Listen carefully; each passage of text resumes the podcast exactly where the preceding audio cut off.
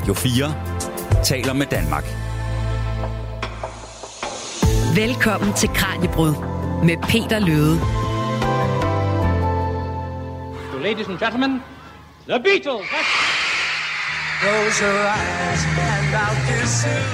Tomorrow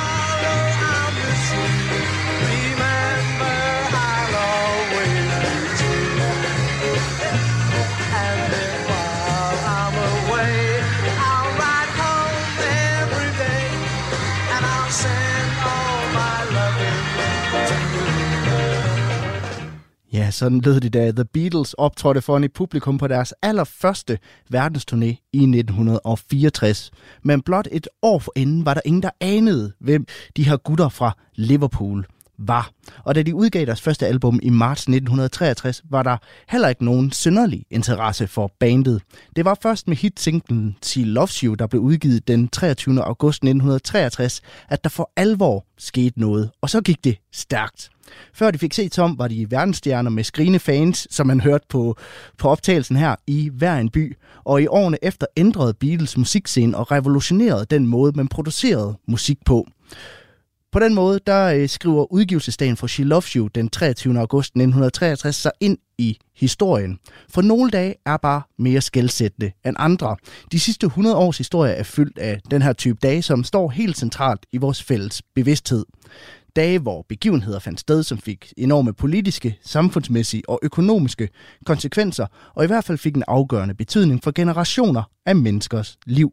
I en miniserie på fem udsendelser sætter Kranjebrud fokus på fem af de allermest betydningsfulde af de her dage i nyere tid. Hvad skete der? Hvilke faktorer udløste dem? Og hvad blev konsekvenserne? I dagens afsnit, der skruer vi tiden tilbage til 60'erne og hører om, hvordan The Beatles ændrede den måde, man lavede musik på. Mit navn er Peter Løde. Velkommen til Kranjebrud. Du lytter til Radio 4. Og så vil jeg gerne byde velkommen til dig også, Rasmus Rosennørn. Tusind tak. Du er historiker, Ph.D. og museumsinspektør ved Danmarks Rockmuseum Ragnarok. Og så har du også skrevet den bog, der hedder Beatlemania. Og i dagens program, der skal du hjælpe os med at forstå, hvad det var, der skete den her dag, da The Beatles første hit-single blev udgivet, og hvorfor de så eksploderede i popularitet derefter, hvordan de ændrede musikscenen. Og jeg har faktisk taget et, øh, et LP med i dag. Det er mit personlige beat, øh, favorit Beatles album. Det er Abbey Road med det her meget legendariske cover, hvor de går på, på tværs af den her, den her fodgængerovergang. Øh, hvad er dit eget favoritnummer med, med Beatles? Fordi den her indeholder alle mine yndlings. Åh, oh, mit favoritnummer, det er... Øh, det er godt nok øh, rigtig, rigtig svært. Måske... Øh, hvis jeg må nævne to. Ja, jamen, nu nævnte jeg en hel plade. Ja, nu nævner jeg helt to. Så nævner jeg en lille plade, en single, ja. øh, øh, Penny Lane og Strawberry Fields Forever, mm. som er sådan det, man kalder en dobbelt A-side øh, single. Øh, den øh, synes, altså de to numre, øh, synes jeg er, er helt fantastiske og, og viser virkelig, virkelig meget, hvad, hvad det var, øh, Beatles egentlig kunne. Øh, så det er indbegrebet af Beatles for, for dig? Ja, og, og, så, øh, og så alligevel ikke helt, fordi man skulle næsten ikke tro, at det var samme band, der øh, kun sådan lige godt tre år forinden udsendte She Loves You. Det, det er virkelig et helt, helt andet orkester. Ja, Ja, fordi det skifter enormt meget fra, øh, fra, fra album til album. Og, altså, Abbey Road er min favorit. Jeg har også The White Album derhjemme. Og selv der kan jeg høre en, en enorm forskel i deres, i deres udvikling. Altså, det er jo et enormt diverst band, Beatles. Jamen, de udvikler sig jo rigtig, rigtig meget. Altså, fra at være øh, et... et øh, barband, der spiller for, øh, for glade søfolk i, øh, i Hamburg og, øh, og Liverpool, så bliver de teenage-idoler øh, og spiller, spiller rock og, og popmusik. Øh, i, øh, i 364 så bliver de seriøse albumkunstnere med øh, øh, album som, øh, som Rubber Soul og øh, A Hard Day's Night, og ligesom viser, at popmusik mm. øh, kan meget, meget mere end øh, være dansemusik og øh, tekster om øh, dreng møder piger, altså tilfører musikalske lag og, og finesser i sangskrivningen, så bliver de bannerfører for hele den psykedeliske bevægelse fra Revolver, Sgt. Pepper op til Magical Mystery Tour, og så kommer der øh, det mere modne mm. øh, og mere rootsagtige rockband, som vi hører på White Album og, og, og kulminerer her på... Øh, øh, øh, den, øh, På Abbey Road. på ja. Abbey Road, det virkelig, øh, ja, øh, ikoniske øh, øh, album her, ja. Kan man vist godt sige. Altså, der er nok ikke nogen, der ikke har set det her, det her cover øh, før. Mm. Men det kan være, at vi skal starte med at få på plads, altså hvorfor er den her begivenhed, altså udgivelsen af She Loves You i 1963, et afgørende øjeblik i det 20. århundrede? Jamen, jeg tror, at, at øh, uden She Loves You, så øh, vil og, og, og, og den popularitet, som, øh, som den single medførte, og, og her vi taler jo om en enkelt sang, mm. udgivet på en lille bitte øh, øh, sort syvtommers øh, vinylsingle, altså ikke et, et album øh, på sådan 30-40 minutter fyldt med, med, med sange, øh, men, men bare en enkelt sang. Ja. Øh, uden den så, så, øh, og, og den popularitet, så, så ville Beatles ikke være blevet, øh, blevet til det band. Øh, altså fordi det var også den, som var med til at øh, gøre Beatles til, øh, til det her øh, verdensfænomen. Og, og, og altså de her ord, yeah, yeah, yeah, mm. altså blev bare synonymet med Beatles, med ungdomskultur, med, med, med øh, og med, med popmusik på, på det her tidspunkt, som jo var sådan bl- blandet fuldstændig sammen. Det var på et tidspunkt, hvor ungdomskulturen for alvor er med, ved at manifestere sig i samfundet. Hvorfor tror du, det er lige øh, den her single, de brød igennem? De har udgivet singler før, men det er ja. den her, der ligesom katapulterer dem til, til verdensomspændende succes. Hvorfor tror du, det lige er She Loves You?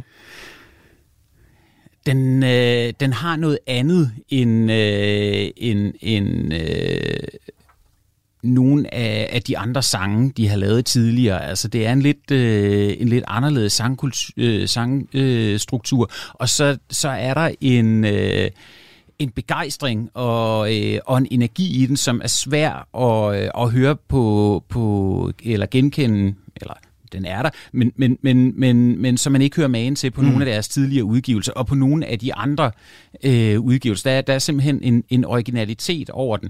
Og, og, øh, og så, er den- så er den bare glad. Altså det der ja, ja, ja, den energi, der ligger øh, i... Øh, i det og den optimisme, den passede helt perfekt til den ungdomskultur, som, øh, øh, som var ved at manifestere sig og, og, øh, og øh, øh, komme på det her tidspunkt, hvor ungdom blev øh, manifesteret sig som en selvstændig livsdel mm. af, af en livscyklus, som, som var noget værd i sig selv. Ja, for man kan sige, at ungdomsomprøvet kom jo også øh, nogle, nogle, nogle år senere, men det er jo også, så den rammer en nerve i tiden på en eller anden måde. Ja, det gør den helt klart. Den, den, den appellerer. Og, og så er det jo også... Øh, altså, øh, Beatles, altså, den, den kommer jo ikke som sådan en atombombe øh, nedslag heller. Det, det skal man også forstå, fordi Beatles, som du også selv sagde, de havde jo udgivet øh, musik for inden, øh, var faktisk ret erfarne musikere øh, øh, på, på det her tidspunkt. De havde allerede udgivet øh, tre singler, tror jeg, og et helt album. Ja, i- Øh, i 63, Så, så, ja. så det var jo sådan en, øh, ja, i 63, så, så det var sådan en langsom opbygning, og, og de havde også endda haft et nummer et hit på den britiske single hit liste øh, øh, for inden. Mm. Men, men, øh, men det var ikke at sammenligne med det her. Altså, der var de bare en, en del af andre populære popbands, som appellerede til, øh, til, til unge, øh, øh, da, da She Loves You udkom. Men, men det ender, der blev de de allerstørste, og det var også en sang, som, som fik den ud over øh, Englands grænser. Mm. Hvad var deres første album, og hvorfor var der ikke, øh, man sige, nogen større interesse for det? Deres første album, det var Please Please Me, og det kom i februar øh, 1963. Øhm, og jo, der var der også interesse om det. Altså, men, men øh, man skal forstå på det her tidspunkt, der var bands som The Beatles, deres primære måde at øh, udkomme på, mm. altså øh, at møde deres målgruppe, altså popmusik til unge mennesker, det var ikke via albums. Nej. Albums, det var øh, primært noget, som øh, blev udgivet, altså anset for, det var, det var seriøs musik til voksne mennesker, altså klassisk musik, eller Frank Sinatra, eller sådan noget. Mm. Øh, altså voksenmusik, der, der, der udkom på albums, fordi de var jo også markant dyrere, øh, så, så øh, unge havde slet ikke øh, de samme midler øh, dengang. Så de købte singler, og, og i musikindustrien, der blev sådan noget popmusik og rockmusik jo også betragtet meget som sådan noget brug og smid væk musik. Så det var, ja. øh, det var hurtig produktion, få lavet et, et nummer, som man troede på, få det ud. Det var også rimelig billigt, hvis den floppede, Nå, så var det ikke, øh, så var man ikke forpligtet på at udgive mere med, med, med det band, så var det bare at prøve det næste. Øh, så alle The Beatles vigtigste sange, øh, de første øh, par år, nærmest af, af deres, øh, deres karriere som, som, øh, som albumkunstner. De udkom på single. Okay. Øh, og og øh, så nogle af, af, hvad hedder det, øh, hilsene fik også lov til at komme, øh, komme med på albums, men albums, det var mere øh, noget, der blev lavet for feinschmeckere. Okay. Øh, Og det var, ikke, det var ikke publikummet for The Beatles, kan man sige. Ikke på det her tidspunkt. Men det ændrer Beatles jo også, ved, mm. fordi at, at øh, det er jo også på grund af The Beatles, at vi tillægger øh, popalbummet så stor værdi i vores dage, så det er helt naturligt for os at, at tænke på, jamen hvad, det må da være en albumudgivelse med Beatles, som, som, øh, som, som sætter en hel masse i gang. Nej, det var det ikke. Da de udgav deres første album, der var de slet ikke, øh, der var, der var det ikke mediet i forhold til, til målgruppen. Der skal vi kigge på sangene og, og singlerne. Men det kan være, at vi skal prøve at skrue tiden lidt tilbage, og så se på, hvem Beatles var, inden de blev store. Altså, hvordan opstår de i første omgang? Jamen, The Beatles opstår øh, i Liverpool i øh, England i 1957 eller 58. Det er øh, John Lennon, mm. som øh, øh, har lært at, øh, at spille øh, et par akkorder på, øh, på en guitar. Og øh, øh, så møder han øh, øh, Paul McCartney, som er lidt yngre, men, men Paul McCartney kan finde ud af rigtigt at spille på guitar. John Lennon er sådan noget selvlært noget. Han har kun fire strenge på sin, sin, øh, sin guitar og stemt som banjo. Øh, det var sådan lidt, men, men, men Paul McCartney viser mig, hey, du, man skal have seks strenge på, mm. og akkorderne er sådan og sådan. Og så de bliver rigtig gode venner og begynder at spille musik sammen. Så møder de øh, George Harrison, som er endnu bedre til at, øh, øh, at spille guitar, også yngre end dem, men, men virkelig, virkelig god, og han kan spille solo og melodier og alt sådan noget. Det er de meget imponeret over. Øh, og så spiller de sådan lidt øh, med forskellige besætninger indtil øh, 1960, hvor øh, de får mulighed for at komme til Hamburg. Ja. Øh, og øh, øh, øh, og spille på værtshuset dernede. Øh, det var blevet ret populært i Hamburg. Det var sådan rigtig øh, øh, ved at, at blive komme rigtig godt i gang igen som havneby og underholdningsby. Der var masser af mennesker i Hamburg, og et stort forlystelseskvarter af engelske bands var rigtig populære det altså. Okay. Så, Så det var egentlig et godt gig for sådan et band. det var et godt gig, og der fik de så en mere fast besætning med en bassist, der hed Stuart Soft. På det her tidspunkt, der spillede Paul McCartney altså kun guitar. Okay, Eller spillede han stadig guitar. Øh, hvad hedder det? De fik... Øh, øh, John Lennons bedste ven, en fyr, der hed Stuart Sutcliffe, og som havde øh, noget, som, som de andre ikke havde. Han var en øh, coolness, og han så rigtig godt ud. Øh, og, men derudover kunne, kunne han ikke rigtig noget med musik, så han fik lov til at spille bas. Det var smart, så dem, som ikke rigtig kunne noget, de, de fik bassen. Og så en fast trommeslager, der hed Pete Best. Mm. Øh, og der udviklede de sig virkelig, virkelig meget som, øh, som musikere nede i, i Hamburg. Og skiftevis spillede de i Hamburg, og øh, hjemme i Liverpool, hvor de også fik en efterhånden fast base på en bar, der hed Cavansen, fortsat øh, et par år, skiftevis Hamburg, øh, Cavern Club, og i Hamburg skiftede de altså til større og større klubber, men det var et hårdt musikerliv. Ja. Hvornår, hvornår er vi her? Sådan Det vi er altså fra, fra, fra 1960 til, til 62. Okay. Øh, de spiller deres sidste øh, klubjob i Hamburg øh, i julen, nytåret, øh, årsskiftet øh, 62-63. Okay, så lige altså inden det- allerede, hvor de faktisk har udgivet Love Me Do som deres, øh, deres mm. første. Og lige inden det første album kommer. Ja, øh, og lige inden det, det, det første album kommer. Så der er de stadigvæk, og de spiller og har også faste gigs på, på, øh, på Cavern Club i, i Liverpool øh, til langt, langt ind i sommeren øh, 63. Men det, de lærer af det her hårde liv som, som underholdnings- og barmusikere, det kan man høre øh, hele vejen i, igennem deres karriere, helt op på, på, på, på Abbey Road. Ja. De får en gigantisk musikalsk rygsæk Ja. øh, som de kan trække på hele vejen igennem, fordi at øh, for de her fulde søfolk, når, når de ville høre tango, så skulle der spilles tango, og når de ville høre et eller andet hit fra en biograffilm, så var det det, man måtte. Altså, øh, så det kan godt være, at de var meget begejstrede for, altså John Lennon har sagt sådan noget før, Elvis var der ingenting, og, mm. og George Harrison var rigtig glad for, øh, øh, for øh, øh, for amerikansk øh, rock and roll, Chuck Berry og den slags. Mm, Men, men de fik altså noget øh, i de her formative år, som de, de tog med sig i kendskab øh, til vir, virkelig genre-kendskab, og som de så også brugte sidenhen til at blande alle mulige ting sammen, som også gjorde, at Beatles adskilt sig fra mange andre mm. øh, 60'er bands, som, som kiggede direkte, for eksempel Rolling Stones, som, som kiggede udelukkende på den sorte bluesmusik. Det var deres, øh, ja. deres inspiration. Altså Stones er jo nogenlunde samtidig med Beatles, udkommer ja. nogen samtidig. Og der var jo også lidt en konkurrence mellem de to, ja, at præcis, man, var, ja. man var til det ene eller til det andet. Ikke? Ja. Men hvordan er deres hitsingler så, altså efter øh, øh, She Loves You, altså hvor, kan man se i deres musik, at okay, der ramte de noget, nu er det det, de går efter, eller fortsætter de bare med at lave det, de har lyst til?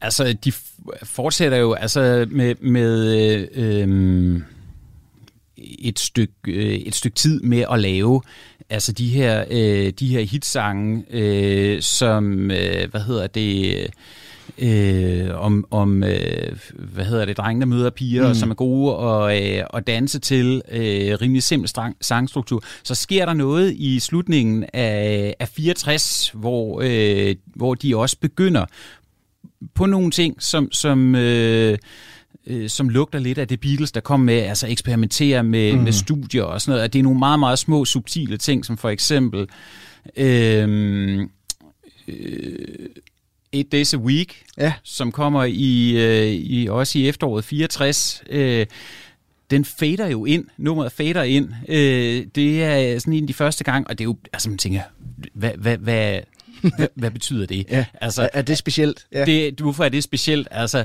men det var altså første gang, man, man hørte det, og det var bare sådan, hov, det starter helt stille. Og så lige pludselig, så med de der akkorder, der kører rundt, og så er nummeret øh, øh, i gang. Øh, og og så, så på den måde, de der små bitte eksper, eksperimenter, øh, mm. som jo et par år senere for, for fuldt afløb. ja, for man kan sige, at det går ikke længe, for de udgiver deres, deres første hitsingle øh, i august 1963, før de får en verdensturné i kalenderen. Og så begynder det for alvor at, at gå stærkt og køre for skinner for det her band. Et år senere, der ved alle, hvem de her gutter er, og, øh, og deres store hits bliver øh, spillet overalt. Så hvordan så det ud, da de eksploderede, og hvordan forandrede det verden, det skal vi høre om nu. Du lytter til Kranjebrud på Radio 4.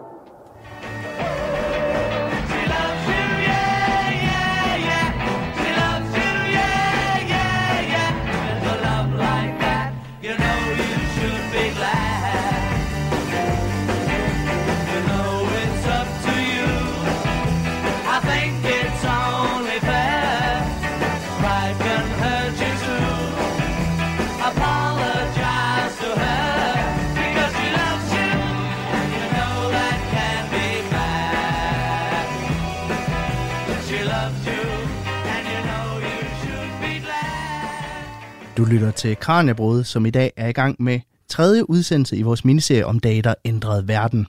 Vi har rejst tilbage i tiden til dengang The Beatles brød igennem med deres første hitsingle, She Loves You, den 23. august 1963, som vi hørte en lille snas af her.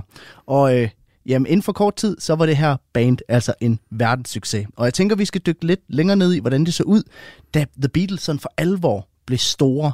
Så Rasmus, måske, måske skal du fortælle lidt om, sådan, hvad var det, der skete, da The Beatles først begynder at top hitlisterne med sange som She Loves You og I Want to Hold Your Hand, som også kom kort tid efter. Mm. Altså, hvad skete der i efteråret 1963? Vi får jo øh, et fænomen, der hedder Beatlemania, ja. som... Øh, øh, i korte træk går ud på en, en helt ekstatisk øh, fandyrkelse mm. af, af Beatles. Øh, de bliver de absolut største øh, øh, største popband for unge over hele verden.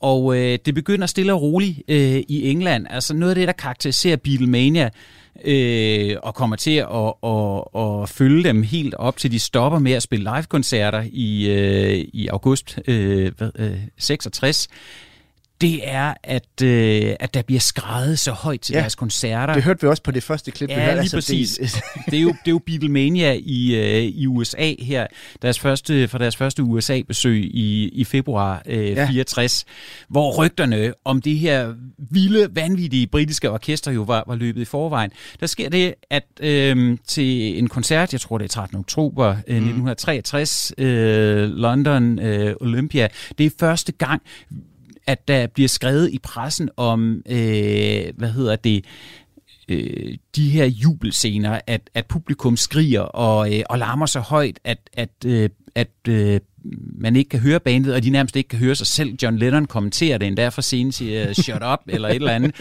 øh, og høster lidt applaus på det for, for nogle af publikummene, som, som, som, som også kigger formodende på det her. Og på det her tidspunkt, der er Beatles ved at være, være, være virkelig, virkelig populær.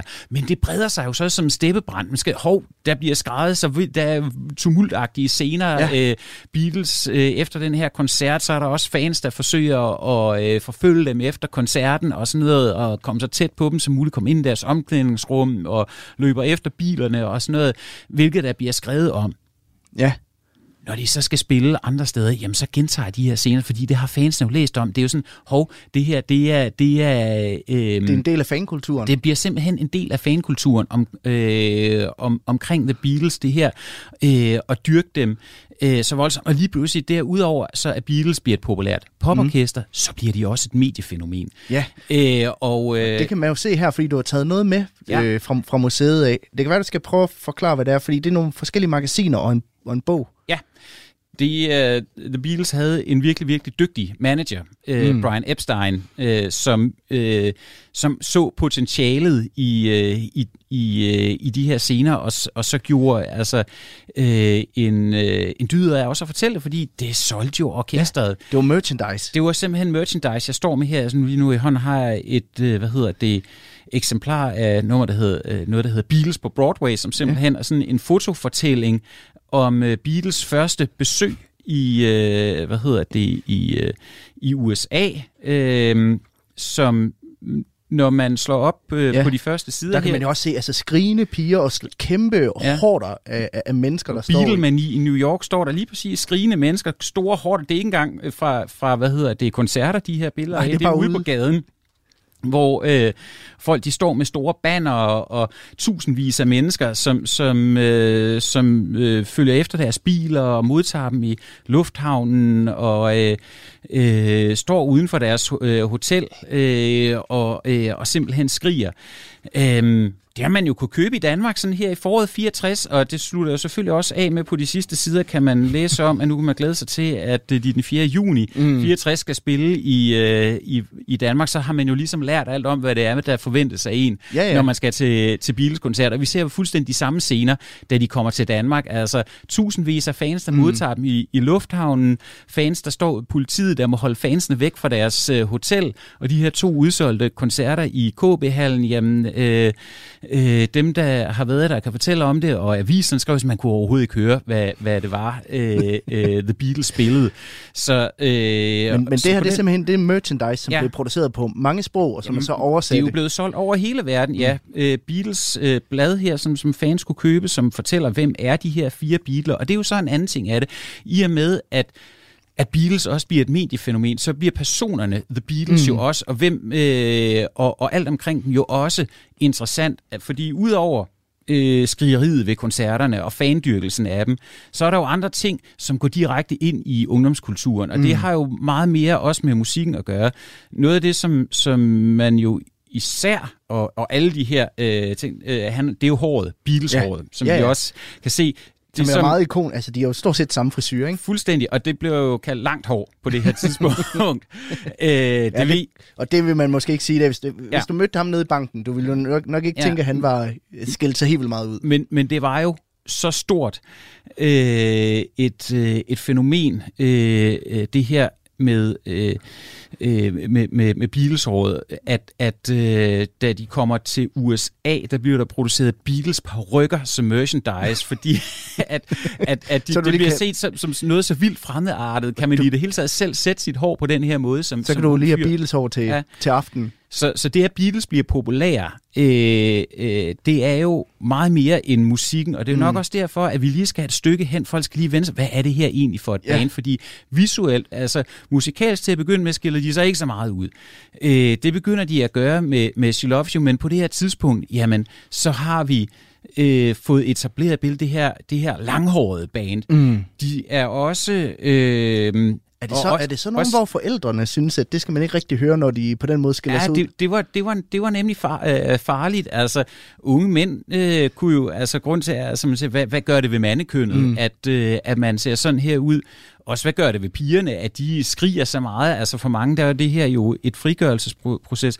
Så der, hvor Beatles adskiller sig fra mange andre bands på det her tidspunkt, det er jo også, at de er The Beatles. Ja. Det er ikke Ringo and the Beatles, det er ikke Paul and the Beatles, Nej. eller John and the Beatles Nej, de fire vi- ligeværdige medlemmer. fire fuldstændig ligeværdige øh, medlemmer, og, og det bliver der jo, og, og der er jo ikke, øh, når man, når man læser de her bøger og blade, de bliver alle sammen fremhævet lige meget, mm. enten som et kollektiv, eller også øh, øh, har de lige meget, nej nu er jeg ikke talt, talt 100% op, men, men, men altså, men det, der er ikke noget af det her, hvor man ikke hører om Ringo eller, eller George Harrison. De fylder alle sammen, og de bliver også beskrevet som fire forskellige personligheder, så man kunne mm. også have sin, sin yndlingsbeatle. Ja. Mange andre bands på det her tidspunkt, det var jo en solist, altså Cliff and the Shadows, Brian Poole and the Tremolos, Gary and the Pacemakers, der også var fra, mm. fra Liverpool, øh, Gary and the Pacemakers, og, og øh, lå lige altså herinde øh, She Loves You øh, udkom og konkurrerede med Beatles om, hvem der egentlig var det mest populære ungdomsband i øh,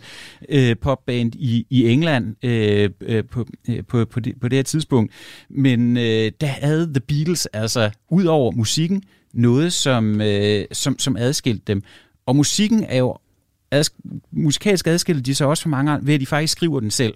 Okay, så det er ikke... Altså, fordi jeg, jeg skulle til at sige, det kan måske godt lyde som... Nu om dagen så har man de her boybands også, mm. hvor der jo også bliver skrevet om alle i One Direction, og man har sin yndlings medlem fra, Stammer fra, fra fra One Beatles. Direction, ikke? Ja. som jo også på en eller anden måde er blevet merchandised og konstrueret og blevet mm. gjort kommercielt, som Beatles jo også blev lidt på, på en eller anden måde af en musikbranche. Altså, men det her med, at de skriver deres egne tekster, det er så alligevel unikt, fordi det gjorde andre ikke, eller hvordan? Det var ikke særlig udbredt Nej. på, øh, på det her tidspunkt. Altså, vi skal jo tænke på, at øh, for, for pladeselskaberne, der var øh, popmusik øh, en virkelig seriøs affære, som øh, der skulle tjenes penge på. Så der, og øh, øh, mange af de her musikere, der blev, hed, øh, der blev hed ind, jamen der skulle man være sikker på, at det var et sikkert hit, de skrev. Så det at forlade sig på sange, de selv havde skrevet, ah, man kom on. Man skulle Mm. ligesom have nogle, nogle professionelle til at skrive det, de her sange, som, øh, som man kunne være sikker på at, øh, øh, at få et hit. Og det var i det hele taget også bare en gammel arbejdsdeling inden for, øh, øh, for musikbranchen. Det her med, at der var, eller inden for popmusik, der var komponister, øh, der var dem, der spillede musikken, musikere, så var der solisterne, som øh, blev, øh, blev fremhævet. Så kunne en sang, en god sang, den kunne jo øh, have rigtig mange forskellige liv. Altså man kunne have en big band version og en tango version og en, øh, øh, en hvad hedder det, crooner version. Så det var med få det brugt, når man havde skrevet den. når man havde et hit, og der var også mange af Beatles, øh, øh, tid, altså de indspillede jo også, især på albumsene, øh, øh, numre, som, øh, som de ikke selv havde skrevet, men som bare var tiden tid, og noget, som de Mhm. havde, også havde spillet og haft succes med som, øh, som, som, øh, som værtshusorkester øh, dengang øh, tilbage i, i, øh, i Hamburg-dagene. Jamen, øh, det var jo kendte sange, som, Mm. mm. som øh, nogle af dem var, var gamle og, og havde eksisteret i alle mulige versioner. Men det, men det skilte sig altså ud, at de øh, primært spillede de her sange, som de, som de selv skrev. Ja, og i højere og højere grad Ja. gjorde det. Men hvad betød det for deres succes, at de på den måde øh, blev personlige i deres musik på den måde? Jamen, og det er jo også der, hvor de passer ind i tiden. Ja. På det her tidspunkt, øh, så ser vi en spirende øh, ungdomskultur. Altså teenageren, teenage-kulturen øh, er lige så stille og roligt været under udvikling fra USA og siden i Europa fra, fra slutningen af 40'erne op i 50'erne. Øh, men vi ser også her i, i, øh, i begyndelsen af 60'erne, øh, hvordan der er de store årgange, der bliver, kommer til verden Mm. under 40'erne, nu er de jo lige pludselig blevet teenager øh, øh, og, øh, og, og unge. De er øh, mere velhavende øh, end, end tidligere på grund af stor velstandsstigning i hele den, den vestlige verden. Altså det, man, der er ligefrem nogle af dem, der får lommepenge. Det er jo også noget, noget, noget helt nyt. Eller det, de fritidsjobs, de har, behøver de ikke aflevere det hele hjem til, til, ja. ja. til mor og far. Øh, men, men altså, så vi har simpelthen en, de største ungdomsårgange nogensinde. med penge til, til, øh, øh, til eget forbrug. Det er jo det, man de kalder går, babyboomerne. babyboomerne, de går i skole i længere tid. Mm. Øh, det vil sige, de er også mere veluddannede end, øh, end, øh, end deres forældre. Det giver jo også en helt anden form for, øh, for myndighed øh, og, og selvtillid. Og så kommer der lige pludselig sådan nogen som Beatles, øh, som fremstår som noget helt, helt andet. Og noget af det, der også er karakteristisk ved Beatles som, som, et, øh, som et mediefænomen, det er, at de også kommer til at være et udtryk for, altså, øh, altså kommer, for ungdomskulturen selv. Mm. Altså i og med, at det er et band, som har skabt sig selv, det er ikke nogen, øh, nogen smarte pladeselskabsfolk, som har fundet en eller anden øh, godt udseende øh, sanger og sat sammen med, med et band og fået, fået, fået til at indspille et eller andet, som, som så bliver et hit. Nej, de her, de har jo spillet sammen i mange år. Det kan man jo også. Ja. Altså den her bog, biografien om Beatles, som, som jeg står her med på et Ja, par hundrede sider. Og som jo er godt gennemlæst, kan man godt se. Ja, den det er, og det, ja, øh, kommer i 1964, er jo helt, øh, han er jo helt tilbage af fire drenge fra den store krigs tid, altså fra, fra, Mm. deres, fra deres barndom øh, øh, op til, altså det er, øh, hvad hedder det, nogen her, de har en helt, helt anden karriereforløb, end, end man ellers Ja. er vant til inden for popmusikken. De er dannet deres eget band, de skriver musikken selv, de ser anderledes ud, altså med det her, øh, det her hår, det vil sige, de skiller sig fuldstændig Mm. ud fra de normer, som, som det på det tidspunkt forventedes, at unge mennesker skulle, øh, skulle leve op til. Så de er self-made, samtidig med, at de, øh, de er lidt oprørske Ja. på en eller anden måde. Præcis, der er, der er jo et oprør i det her, og så, men så er de heller ikke mere oprørske, end, øh, end, øh, end, end øh, det lige præcis kan, kan acceptere. Altså selv pæne piger kunne høre, kunne høre Beatles øh, på, på, på det her tidspunkt. Det var, det var en lidt anden sag mm. med, med Stones, Ja. som øh, øh, altså det, det var øh, øh, øh, jo øh, noget mere vildt og, mm. og øh, hvad hedder det øh, kontroversielt med, med, med Rolling Stones, men de her fire øh, øh, arbejderklassefyre, øh, som egentlig havde manerer, de var jo også utrolig charmerende. Mm. Øh, altså når de optrådte, noget af det, som de også blev kendt for, øh, det var, når de optrådte i pressen, at at de var sjove, Ja. og de gav øh, sådan nogle lidt humoristiske svar tilbage. Det hænger måske også sammen med, at de var et band, som på en eller anden måde var, var ligeværdige. Det var ikke... Øh, de, de stillede op sammen til pressekonferencer, og det var den samme øh, drengede jargon, som altså, de kunne læne sig lidt op af hinanden der og grine, når de Ja. fik et, et dumt spørgsmål, jamen så kom de med et dumt, øh, dumt modsvar. Altså det var... Ja. Så de var også sådan ja. Lidt, de, de var meget almindelige på en eller anden måde, også mm. fordi de jo arbejderdrenge, de er bare fire venner, der har mm. lavet et, et band, så de er også the everyman. Ja. kan man sige det? Absolut. Øh, altså, de, de, var, de var til at identificere sig med for, øh, for de fleste, samtidig med, at de havde de der ting, der, der, der skilte sig ud fra forældregenerationen. Blandt andet det, det, det lange hår. Altså, man kunne godt se anderledes ud mm. end sine forældre. Man behøvede ikke at tage de voksne journalister eller de spørgsmål, de stillede, altså de, øh, som, som en autoritet, hvor man skulle, altså de, noget, man synes, de var så sjove, fordi de altid gjorde noget uventet, eller svarede noget andet, noget kægt, eller et eller andet, men det viste jo også bare unge mennesker, at man behøvede måske ikke lige at tage de der øh, autoriteter, man mødte i sin hverdag, forældre, skolelærer, øh, arbejdsgiver osv., så højtidligt igen. Og så var det jo også det for, øh, for pigerne, der var det jo også øh, første øh, skridt i retning af en seksuel frigørelse. Mm. Øh, det, at man kunne komme til en øh, Beatles-koncert, eller når man hørte Beatles, øh, at man kunne smide alle hæmninger Ja. og skrige fuldstændig sindssygt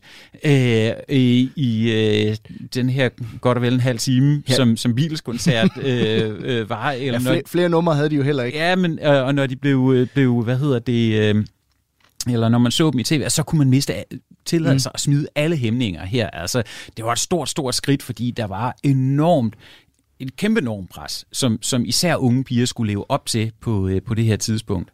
Og øh, da Beatlemania for alvor skulle i gang, så udgiver The Beatles albummet A Hard Day's Night. Og så efter forårs succes og koncerter med skrigende fans, så vælger de at trække sig lidt tilbage fra spotlyset. De vil nemlig prioritere at skrive og producere musik frem for at, at optræde. Og her sker der nogle ret vilde ting med deres musik, der ændrer den måde, man indspiller albums på, og den måde, som musik produceres på den dag i dag. Og det tænker jeg, vi skal dykke lidt dybere ned i. Radio 4 taler med Danmark.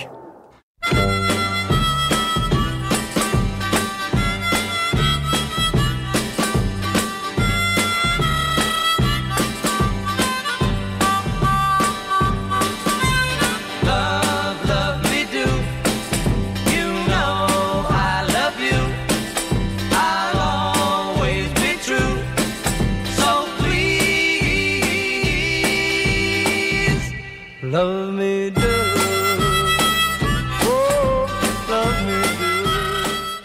lytter til Kranjebrud på Radio 4, der i dag er rejst tilbage i tiden til den 23. august 1963, hvor The Beatles udgav deres første hitsingle, der blev startskud på nogle hæsblæsende år for de fire fyre fra Liverpool med verdensturné, berømmelse og skrigende fans. Mit navn er Peter Løde, og jeg har besøg af historiker og museumsinspektør ved Danmarks Rockmuseum Ragnarok, Rasmus Rosenørn. Og vi er i fuld gang med at undersøge, hvordan det så ud, da The Beatles brød igennem, og hvordan det kom til at ændre musikscenen radikalt. Og nu vil jeg tale om, at rigtig mange af deres tidlige hits, de udkom på de her singler, fordi det var det, de unge havde tid til at råd, råd til at, at, at, at købe, og at albumsen var lidt mere reserveret til den mere seriøse musik, men de bliver jo albumkunstnere senere hen, kan man vist godt sige. Hvad er det for en forandring, de går igennem i, i tiden her, efter øh, de har udgivet øh, de, deres første singler? Jamen, det er jo allerede, øh, altså, det, det er jo meget, meget kort, øh, hvad hedder det, øh, periode, vi taler om i, mm. i virkeligheden. Men øh, i sommeren øh, 1964, der udgiver de A Hard Day's Night, som øh, er det første album, de udgiver, hvor de har skrevet alle sangene ja. selv. Og det er øh, et øh, album, som også adskiller sig fra, øh, fra de to tidligere albums, de har, har lavet ved, øh, i med, at det faktisk er et filmsoundtrack. A Hard Day's Night øh, er jo også en film, mm. den første Beatles-film, øh, som udkommer på, på det her tidspunkt, som de har indspillet øh, lidt, øh, lidt tidligere øh, på året. Øh, og der har de selvfølgelig også skrevet musikken øh, til den her film, sådan en film, som handler om et band, som, øh, og, og hvordan, som jo uhyggelig høj grad minder om The Beatles, og, øh, som, øh, og, og, og hvordan det er at, øh, at være dem, og der har de skrevet ja, øh, sangen til, som udkommer. Som, og det er altså en kunstnerisk milepæl Ja. for The Beatles, og for et popband i det hele taget, også på det her tidspunkt, at få lov til at udgive et helt album med eget komponeret musik, og det er måske fordi, det er et film-soundtrack, men de viser, at det kan man godt. Altså, det er jo, det her album er jo øh, spækket med, øh, med hits og, og, øh, og klassikere og numre, eller numre, som, som er blevet det. Altså, det vir- viser virkelig en, en musikalsk kvalitet, som også var i det her meget, meget unge øh, og tidlige Beatles. Øhm, og, øh, og derfor, altså de følgende albums, altså kommer der lige Help, hvor der mm. lige er et enkelt nummer, tror jeg, som de ikke selv har skrevet. Øh, men der, derefter, så er det jo deres egen musik, de, øh, de koncentrerer sig om. Øh, og øh, øh, jo, det, der var også Beatles for Sale øh, efterårs 64, der er også øh, en, en masse øh, øh, covernummer på, eller versioner af, af, mm. af andres numre. Kommer Help enkelt. Men så derefter, altså for Rubber Soul øh, og frem igen, jamen der, der, der er det... Øh, deres, deres egne sange, øh, øh, det, det handler om. Og de begynder jo også og øh, så også at lege med studiets muligheder. Der ja. sker også det, de får, de får ubegrænset, øh, hvad hedder det, råderet over øh, et af, af, hvad hedder det, IMI's studier, øh, eget studier på mm. Abbey Road, der de indspillet. øh, næsten alt deres, øh, alt deres musik øh, siden begyndelsen. Og øh, Øh, det vil sige, at de egentlig kan komme og gå. Det eneste, der skal, der skal hyres, det er, det er et par teknikere, øh, og så kan de ellers bare bruge det her studie øh, fuldstændig frit. Så de begynder jo også at eksperimentere med, øh, hvad man egentlig kan bruge et studie til. Øh, og det viser også lidt, altså, hvor, hvor meget de egentlig er øh, altså også musikalsk lytter til ja. andre ting end, end, end den der øh, øh, amerikanske blues og rock and roll, som er afsættet for mange af de andre øh, britiske bands på det her tidspunkt, altså Stones og Who og Kinks og så, og så videre. De lytter også til Phil Spector, som jo er en af sådan, de ja. første producer, der sidder over i USA og ud, udvikler den her Wall of Sound øh, te, øh, teknik. De lytter også til, øh, til et band, som der hedder Beach Boys, øh, som øh, de er voldsomt inspireret af, fordi de har Beach Boys har en sangskriver og producer i det her med Brian Wilson, som, som også sprænger rammerne for, hvad man egentlig øh, øh, kan med, øh, øh, med popmusik. Ja, så de, de bruger enormt meget tid i studiet. De trækker sig jo også lidt fra mm. at, at tage ud og spille koncerter, netop for at fokusere på at indspille og skrive, mu, skrive musik. Hvorfor vælger de at, at trække sig sådan fra, fra scenelivet? Af mange forskellige årsager. Øh, de har levet på scener, øh, siden de var, øh, var store teenager mm. i, øh, øh, i 1960, hvor de røg til Hamburg. Altså, man tænkte, George Harrison var 17 år på det her tidspunkt. Grunden til, at, at de tog fra Hamburg i første omgang, det var fordi de tyske immigrationsmyndigheder fandt ud af, at, at han var under 18, så han kunne ikke få en arbejdstilladelse. Altså, så de, de kunne vende sig så tilbage året efter, da, da, han, øh, da han var fyldt 18. Altså, de har levet øh, øh, på scener og turneret øh, siden de var øh, siden de var teenager. Øh, og det var et enormt opslidende liv. Øh, og så var der jo den her koncertkultur med, at man stort set ikke kunne mm. høre, øh, hvad, hvad det var de, øh, hvad de spillede. Og så blev de jo kunstnerisk mere og mere øh, øh, ambitiøse. Ja. Altså, øh, da de spiller deres sidste koncerter i... Øh, i, hvad hedder det, i USA, det er i august øh, 1966, der har de jo øh, lige udgivet Revolver, øh, som jo er en af de første, øh, deres første psykedeliske, eller eksperimenter ja. med, med, med psykedelisk musik. Der er jo numre på den plade, som ikke vil kunne spilles live. Altså øh, øh, øh, sangen... Øh, øh, Tomorrow, øh, øh, hvad hedder det, Never Knows, øh, sidste nummer, som jo består af båndsløjfer, der kører, mm. øh, der kører i ring, og, og, og, og lydeffekter, og ting, der bliver spillet baglæns, og sådan noget, øh, det, som jo er et af de mest radikale Beatles-nummer overhovedet. Det, øh, det kan jo ikke spilles live, og så står de øh, på scenen øh, over i Candlestick Park, og spiller stort set den samme setliste, som, øh, som den de, øh, de spillede øh, to år for inden, men altså det er jo som det er et helt, helt andet band ja. altså på, øh, på, på det her tidspunkt. Så står de i deres uniformer, øh, eller der, deres pæne jakkesæt i, øh, her i 66, øh, og spiller She Loves You, og øh, mm. øh, lækre øh, dansehits med pæne harmonier. og Men samtidig, hvis du køber pladen, så er det en helt du, anden oplevelse. Så er det en helt, helt anden oplevelse. Altså det hænger ikke sammen. Så, så jeg, jeg køber heller ikke helt den med, at, at det bare var fordi, at de ikke kunne høre sig selv, og at de ikke havde forstærkeranlæg, som, øh, som kunne spille højt nok. Det har også været en del af, af, af årsagen. Mm.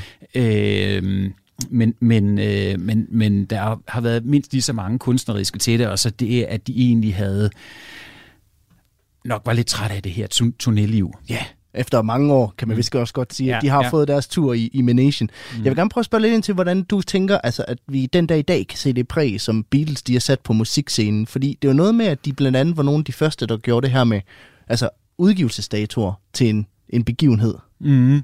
Jamen, altså, Beatles øh, indflydelse på, på musikscenen er hele, i det hele taget den måde, vi tænker og, og opfatter, hvad, øh, hvad, hvad pop og rock øh, egentlig er, og, og hvad der er, er autentisk og, og, og, og godt. Altså det, det kommer jo fra, fra The Beatles. Øh, Ja, og, og det er alt fra, at en udgivelsesdato øh, mm. er vigtig at få skabt en hype omkring øh, øh, en udgivelse. Øh, men, men også sådan noget som, at, at det der rockband-ideal med, øh, med en gruppe venner, som finder sammen mm. og spiller spiller musik, fordi uh, på grund af en eller anden kunstnerisk ambition. Altså det er jo i flere årtier efter, at, at, det, er, uh, at det er et ideal det er jo stadigvæk grundlaget for rigtig mange bands i dag. Ja, lige præcis. Det, og det, man skriver sin musik selv, altså den legitimitet, der ligger i at, at have nogle kunstneriske ambitioner, hvor man øh, øh, komponerer altså, og, og har, en kunst, altså, har en kunstnerisk frihed som, øh, øh, som, som rock- og popartist. Og det vil jeg godt, der er meget på moderne musikscene, og samtidig med, og i årtiden, som, som jo stadigvæk køre med, med den, at vi har solister, og vi har sangskriver og så videre, producer, som, som altså den der arbejdsdeling, det findes stadigvæk.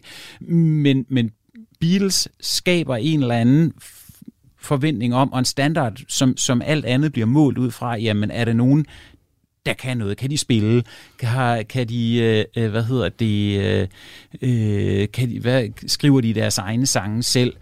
Øh, men hvor også det er, at, at alle egentlig mm. kan spille musik. Altså drømmen ja. for, for, øh, for alle, øh, som, som mange kan have det der med, at jamen, jeg kan egentlig også slå igennem som popstjerne. Øh, der var ingen, der lærte Beatles at spille. De var bare ualmindeligt begavede og talentfulde. Altså, de har ikke været på noget konservatorium øh, øh, eller været til optagelsesprøve i et musikerforbund for, om de kunne have det rigtige gehør eller kunne spille de, øh, de rigtige akkorder eller, øh, eller sådan noget. De, øh, altså, det der med at, at øh, kaste sig ud mm. i det øh, og, øh, og, og, og gøre tingene. Ja, så de havde X-faktor, for at bruge et, et meget moderne udtryk, hvis Ja, man kan sige ja. det på den måde. Hvorfor tror du, at sådan Beatles på en eller anden måde blev symbolet på, på 60'erne? de er med, øh, fordi de er med hele vejen. Altså, øh, øh, kort sagt, altså, de øh, er, er, er med i hele det transformative år, som, øh, som 1960'erne er, altså starter som, øh, som teenage-idoler, sætter brand i ungdomskulturen øh, på, på alle mulige øh, måder, altså med, at, at ungdom bliver, bliver legitimt, og der øh, ungdommen for egne medier og mødesteder, de er modeikoner, øh, og, og øh, hvad hedder det, er med til at bane vejen til det, der, der senere bliver øh, omtalt som, som, som et ungdomsoprør de viser, at, øh, at pop- og rockmusik øh, også er en kunstart, mm. som, kan, som kan rigtig, rigtig meget, som, som, kan, øh, som, som kan omhandle alt muligt, og popmusik er en, øh, en, en legitim kunstgenre, som, som hele tiden kan udvikles, og, og øh, man kan påvirke. De er med på den psykedeliske bølge, øh, da den bryder igennem i, i anden halvdel af 60'erne, altså der er de også øh, øh, forgangsmænd, det er de hippier, de bliver modkulturelle i, øh, i hvad hedder det, og, og mere politiske i slutningen af, af tid i 8, altså efter 68, som jo det var det store øh, revolutions- eller oprørsår, jamen der er de bare med øh, hele vejen. Og øh, så går de i opløsning i 1970. Ja, fordi jeg, 60'erne jeg skulle til at sige, at det, Altså- altså, vi, vi, skulle faktisk, vi har små fire minutter tilbage, så vi, jeg tænkte nemlig, at vi skulle til at runde øh, historien om The Beatles af. Ja, og vi, har det- ikke et, vi har ikke et 70'er Beatles, så derfor, altså, øh, altså, Beatles bliver professionelle i 1960, og de går i opløsning i 1970. Mm. Så, så det. Ja, hvad er det for et, øh, et præg, de så altså rent musikhistorisk altså, har, har- har sat? Fordi jeg synes jo, når man tænker tilbage, så er der jo, der er alle andre bands, og så er der Beatles. Ikke? Mm. Altså, hvorfor er det, at de stadigvæk er så store den dag i dag, tror du? det tror jeg igen også, øh, altså en kombination af, af deres musik, mm. som, øh, øh, som er, er fantastisk, og som bliver studeret på universiteter og konservatorier øh, øh, den dag i dag. Altså de har simpelthen lavet nogle nybrud inden for, hvordan man, øh, man, man, man skriver øh, øh, popmusik. Men ikke også mindst øh, igen for alt det, der ligger rundt om, om The Ja. Beatles, og hvem de egentlig var. The Beatles bliver i dag forbundet med alt, hvad vi synes er godt ved 60'erne. Altså, der er jo ingen tvivl om, at 60'erne, 1960'erne, var et, et år, hvor der skete enorme kulturforandringer i hele den vestlige verden. Øh, øh, og på godt og ondt. Men uanset hvad, altså det vil sige, at 60'erne er også på mange måder et kontroversielt årti Ja. øh, et årti, og mange af de begivenheder, der skete, er der mange holdninger til. Øh, og det bliver stadigvæk diskuteret den dag i dag. Men uanset hvad ens holdning er til 60'erne, og alt det, der skete øh, dengang, så kan alle samles om The Beatles. altså, The Beatles er bare symbolet øh, for, øh, for alle, på alt, hvad man, man, øh, man synes er godt ved 60'erne, og derfor så... Øh, øh, har vi, øh, hvad hedder det, diskoteker, der kan kalde sig Yellow Submarine mm. i dag, hyggelige ammecaféer, der hedder Penny Lane, Ja. og Det, det var nærmest vokset ud over Beatles, ikke? Ja, altså, det lige er blevet en fælles referenceramme. det, det er blevet en fælles referenceramme til noget, som, som er rart og hyggeligt, og det gode ved, ved 60'erne, uanset hvad man ellers, fordi alle kan se noget godt ved 60'erne, der, og, og samtidig med, at man også kan, altså man, så, som den der mest kritiske ved 60'erne, kan også se nogle positive ting ved 60'erne, og om ikke andet The Beatles.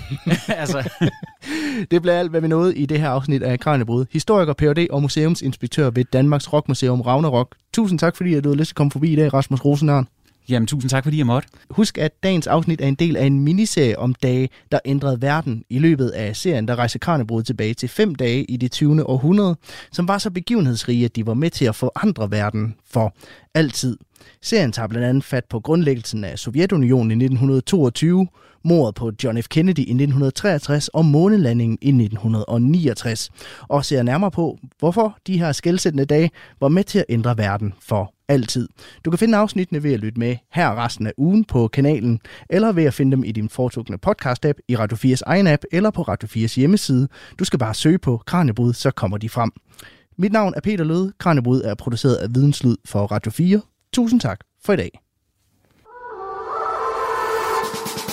John Paul George Ringo.